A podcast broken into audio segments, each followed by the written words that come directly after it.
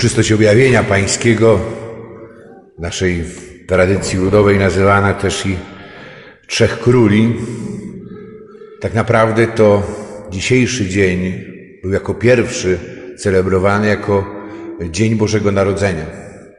Dopiero po synodzie, po Soborze w Nicei w IV wieku przesunięto y, na 25 grudnia y, celebrację Świąt Bożego Narodzenia, a 6 stycznia zaczęto celebrację Epifanii, skądinąd w kościele, w kościołach wschodnich, w kościele prawosławnym, to dzisiejszy dzień jest obchodzony jako Dzień Bożego Narodzenia.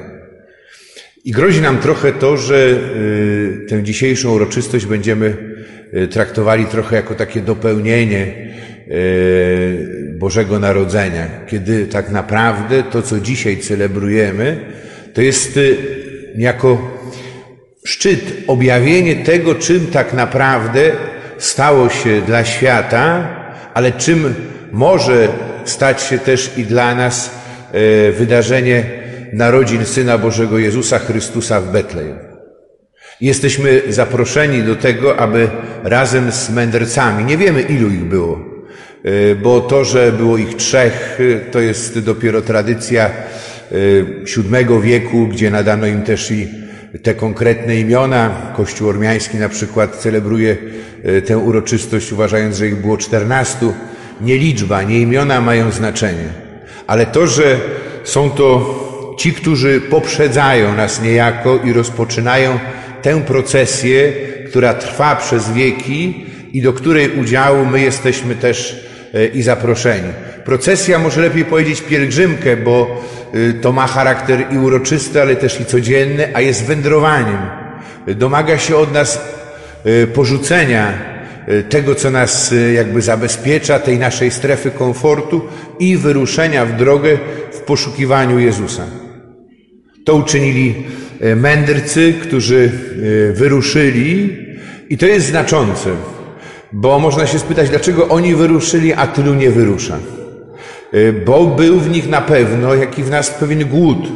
Głód, pragnienie spełnienia, pragnienie szczęścia, pragnienie miłości, takiej, jakiej nie jesteśmy w stanie doświadczyć y, w naszych relacjach, y, w naszym życiu, coś, co przekracza te wszystkie nasze ograniczenia. I oni byli tymi, którzy się nie pogodzili z tym w tym sensie, że nie przestali wierzyć, że to jest rzeczywiście możliwe.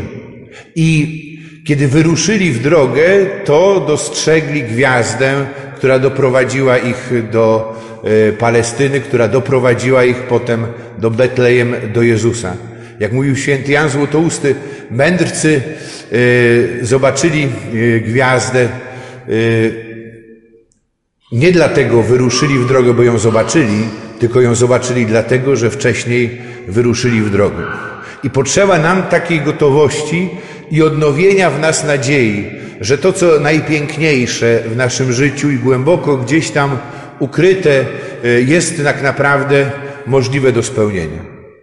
I wyruszyć e, z mędrcami w drogę, e, to jest nie traktować naszej wiary jako magii, czy jako też i bajeczki legendarnej opowieści, ale e, jako e, rzeczywiście odpowiedź na nasze najgłębsze pragnienia i odpowiedź, którą Bóg daje w konkrecie tej rzeczywistości i w tym świecie, w którym żyjemy. I e, mędrcy dochodzą do Jerozolimy, przychodzą do Heroda, radzą się też i innych właśnie, poszukując Syna Bożego, Mesjasza, spotykają się z tymi, którzy mieli wszystko, co było potrzebne, żeby go mogli odnaleźć. Bo i arcykapłani, i uczeni w piśmie, oni doskonale znali Biblię, znali proroctwa. Od 900 lat już mieli tekst proroctwa Michała, w którym e, to prorok napisał, gdzie ma narodzić się e, Mesjasz oczekiwany przez naród od wieków. Ale problem jest taki, że mimo tej wiedzy, mimo też i pojawienia się mędrców, prawie nikt, nie wiemy, czy ktoś razem z nimi wyruszył e, z Jerozolimy. Oni nie są gotowi porzucić tej strefy, mówimy, komfortu, zejść z kanapy, jak mówi papież Franciszek. Nie są gotowi podjąć ryzyka, bo tak naprawdę narodziny Jezusa Chrystusa stanowią dla nich zagrożenie. Zagrożenie dla ich poczucia bezpieczeństwa, które sobie zbudowali na pozycji, którą zajmują, na takiej, a nie innej e, wizji świata, w którym wydaje się im, że nauczyli się żyć i tak naprawdę, co by tu nie powiedzieć, e, jest im dobrze. Mędrcy natomiast idą do Jezusa, odnajdują Go, oddają Mu hołd, składają dary, złoto, kadzidło i mirra, złoto e, oznaczające władzę królewską, Jezusa Chrystusa. E, kadzidło, czyli tak jak modlitwa, która unosi się do nieba, e, kadzidło oznacza realną obecność Boga, bóstwo Jezusa Chrystusa i mirra Jego człowieczeństwo, także i zapowiedź Jego męki i śmierci, bo mirra służyła jako lekarstwo, jako środek kojący ból dla osób rannych, ale też i mirrą nacierano e, ciała zmarłych przed pochówkiem. Te dary, które ofiarują, tak naprawdę one oznaczają co? Że uznają w Jezusie Chrystusie e, Syna Bożego, Boga, który stał się człowiekiem. I te dary, które ofiarują, to tak naprawdę wraz z nimi oni ofiarują samych siebie, oddają się Mu do dyspozycji. I od momentu takiego spotkania z Jezusem już nic nie jest takie samo, jak było wcześniej. I wyruszają w dalszą drogę, ale to już nie jest ta sama droga. I tak naprawdę y, to dzisiejsza uroczystość nam y, nie tylko przypomina, ale ona jest dla nas wezwaniem do tego, żebyśmy nie traktowali tej drogi poszukiwania jako drogi, która prowadzi do żłóbka, tylko jako rozpoczęcie tej drogi, która z, ze żłóbka betlejemskiego wychodzi i prowadzi nas y, w przyszłość tej drogi, na której przed nami idą całe pokolenia świętych, błogosławionych, ale także ludzi nam bliskich, jak papież Franciszek mówi, e, tych świętych e, z sąsiedztwa, tą drogą, na którą my jesteśmy wezwani. I powstaje tylko niepokój i pytanie, jak to jest możliwe, że e, tylu na tę drogę nie wchodzi, nie wyrusza, jak to jest możliwe, że z Jerozolimy prawie nikt nie poszedł na poszukiwanie Jezusa, ba, że zostało to wydarzenie prawie że niezauważone przez mieszkańców samego Betlejem. Już trochę czasu temu y, kardynał Józef Ratzinger, późniejszy papież Benedykt XVI, dokładnie w 1987 roku w swoim kazaniu w uroczystość objawienia pańskiego właśnie próbował na to pytanie odpowiedzieć. Mówił, że to nie jest kwestia tego, że y, prości i ubodzy odnaleźli Jezusa, a bogaci i mający władzę nie. Owszem, pierwsi przy żłóbku byli pasterze, E, potem byli ci mędrcy ze wschodu, którzy wcale ubogimi być nie musieli, e, ale to nie tłumaczy, bo wielu ubogich nie wyruszyło na poszukiwanie Jezusa, a dalej w historii Kościoła byli ludzie bogaci, władcy, królowie, cesarze, którzy też i się ukorzyli i poszli w życiu swoim na poszukiwanie Boga i szli razem z Nim przez swoje życie. To nie jest ten problem. Papież, późniejszy papież Benedykt XVI mówi o takich trzech racjach według niego, które sprawiły, że tyle osób pozostało w swoich własnych domach. Że ci, którzy wyruszyli na poszukiwanie Jezusa i którzy razem z Jezusem idą przez życie, oni stanowią nie większość, ale mniejszość. I mówi, pierwsze to jest taka pewność i brak absolutny krytycyzmu, czyli taka pewność, że ja doskonale wiem, o co w życiu chodzi. Ja mam wszystko poukładane, nic nie jest mnie w stanie zaskoczyć. Ja wiem, jakie mechanizmy rządzą też i y, życiem w świecie. Ja staram się z nich korzystać i absolutnie nie dopuszczam możliwości, że mógłbym się mylić. Nie dopuszczam jakiejkolwiek y, istnienia przestrzeni, w której mógłbym doznać zadziwienia, E, nie dopuszczam jakiejkolwiek możliwości e, korekty e, mojego patrzenia na życie i na świat. I nie zostawiam w związku z tym absolutnie żadnej przestrzeni na to, żeby Bóg mógł mnie zaskoczyć.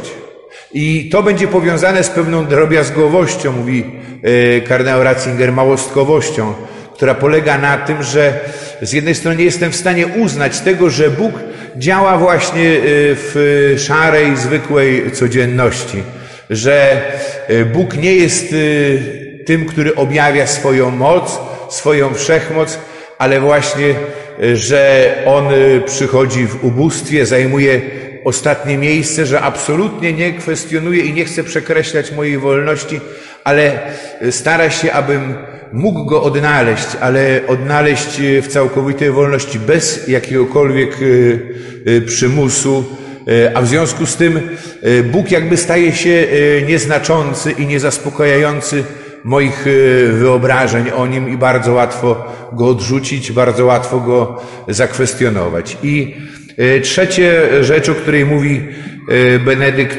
XVI, to e, właśnie instynkt stadny, czyli to, że my się boimy, boimy się napiętnowania, boimy się odrzucenia ze strony innych, wyśmiania i podporządkowujemy się tym istniejącym jakby tendencjom, to co dziś można by nazwać poprawnością polityczną. Pewnie tych przyczyn mogłoby być więcej, ale tak czy inaczej E, one odnoszą się do pychy, takiej pychy, która nie pozwala uznać e, kogoś większego od siebie, oddać mu czci e, i jednocześnie takiej, która też i każe mi przyjąć moje życie i to wszystko, co z nim związane jako dar. Odczytać, odkryć je jako dar i w związku z tym, aby zachować ten charakter daru, ofiarować go innym. Tak naprawdę to, co jest główną przeszkodą, to jest y, problem naszego serca. Że potrzeba nam właśnie takiego dziecięcego serca, aby w dziecięciu, które przyszło na świat, odkryć y, samego Boga, samego Zbawiciela i żeby dać mu się prowadzić przez życie. I potem przyjdzie jeszcze reakcja Heroda, tego, który przecież wyśle swoich siepaczy potem do Betlejem, który każe wymordować wszystkie e, dzieci mogące być rówieśnikami e, Syna Bożego, bo nie będzie chciał dopuścić jakiegokolwiek zagrożenia dla siebie z jego strony. E, I słuchając i czytając tej Ewangelii też i trzeba myśleć o tych różnych zagrożeniach, nie tylko o tym, co nam utrudnia wejście na tę drogę, ale co z tej drogi nas odciąga, co blokuje Y, co tak naprawdę prowadzi nas na manowce. Ja mówiłem nie tak dawno na jednej mszy w homilii, potem w ogłoszeniach właśnie o plotkach, o obmowie, o sądzaniu innych, o też i jakimś mówiąc współczesnym językiem, hejcie w stosunku do tych, którzy się w jakikolwiek sposób angażują we wspólnocie Kościoła, robią coś dla innych, czyli coś ponad to, ponad taką powiedzmy bierność i bycie tylko i wyłącznie e, widzem i e, obserwatorem. Mówiłem wprost o tym, że to jest e, też i diabelskie, bo prowadzi do podziałów, bo niszczy wspólnotę. I dzisiaj z wielkim bólem muszę powiedzieć to, że plotkowanie, że obmowa, osądzanie to jest to, co można by porównać z siepaczami wysłanymi przez Heroda, aby zamordować Jezusa. I poprzez plotki, poprzez nieodpowiedzialne słowo, raniące i wyrządzające krzywdę, my tak naprawdę zabijamy Jezusa w naszym życiu. Ja jutro w imieniu naszej wspólnoty w czasie liturgii pogrzebowej będę prosił najbliższych zmarłego za te słowa osądu, plotki, które zostały wypowiedziane E, I tak naprawdę ci wszyscy, którzy w jakikolwiek sposób przekazywali je dalej, powinni paść na kolana i prosić e, o wybaczenie. Natomiast e, tego pewnie nie będzie, bo usłyszymy, tak jak ktoś mi powiedział, że w każdej plotce jest coś z prawdy. Czyli tak naprawdę to my jesteśmy czyści, my jesteśmy jakby poza tym.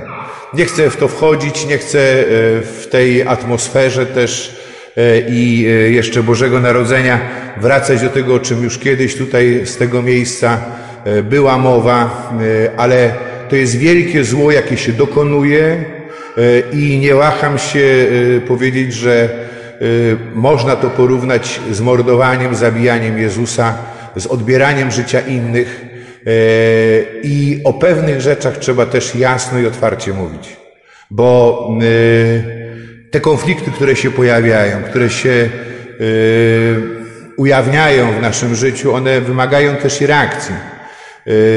Jeśli wierzymy, że Pan nas prowadzi, że nasza droga nie kończy się w jednym momencie, na poprzedniej, na porannej mszy świętej celebrowaliśmy jubileusz małżeństwa, 50-lecie małżeństwa.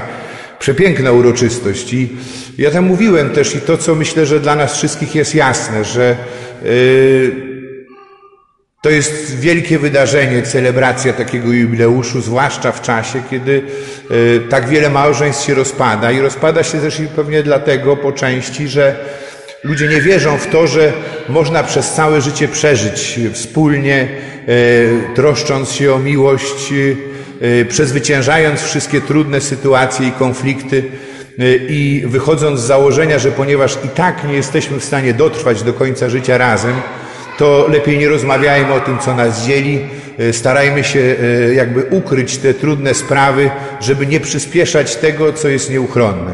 I w ten sam sposób można podchodzić też i do naszego życia wiary, do naszego bycia w kościele, kiedy jest nas mniej, kiedy brakuje naszych dzieci, kiedy brakuje e, coraz bardziej młodych, coraz więcej jakby żyje tak, jakby Pana Boga nie było, bo zamiast gwiazdy prowadzącej do Betlejem dali się uwieść albo wybrali e, inne gwiazdy na niebie i inny kierunek życia.